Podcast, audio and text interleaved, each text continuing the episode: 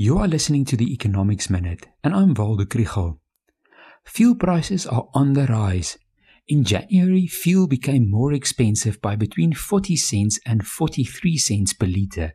In February, by 81 cents per litre, and further increases of between 55 cents and 65 cents are expected for March.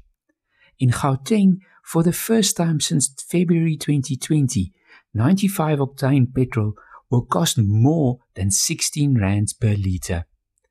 On the one hand, it's a setback for consumers and a potential driver of inflation. On the other hand, it's a clear sign that the world economy is recovering from the COVID 19 pandemic and lockdown. An increase in demand has pushed up the international oil price by 16% over the past month. This upswing in the economy is good for commodity prices and also helps the value of the rand. The rand traded at an average of 14 rand 66 to the dollar over the past month, and this prevented fuel prices from rising by another 14 cents per liter.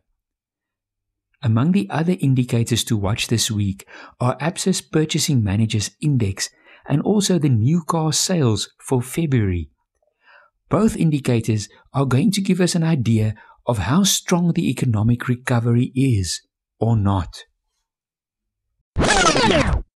If you want to learn more about the economy, follow the Econ 101 page on Facebook.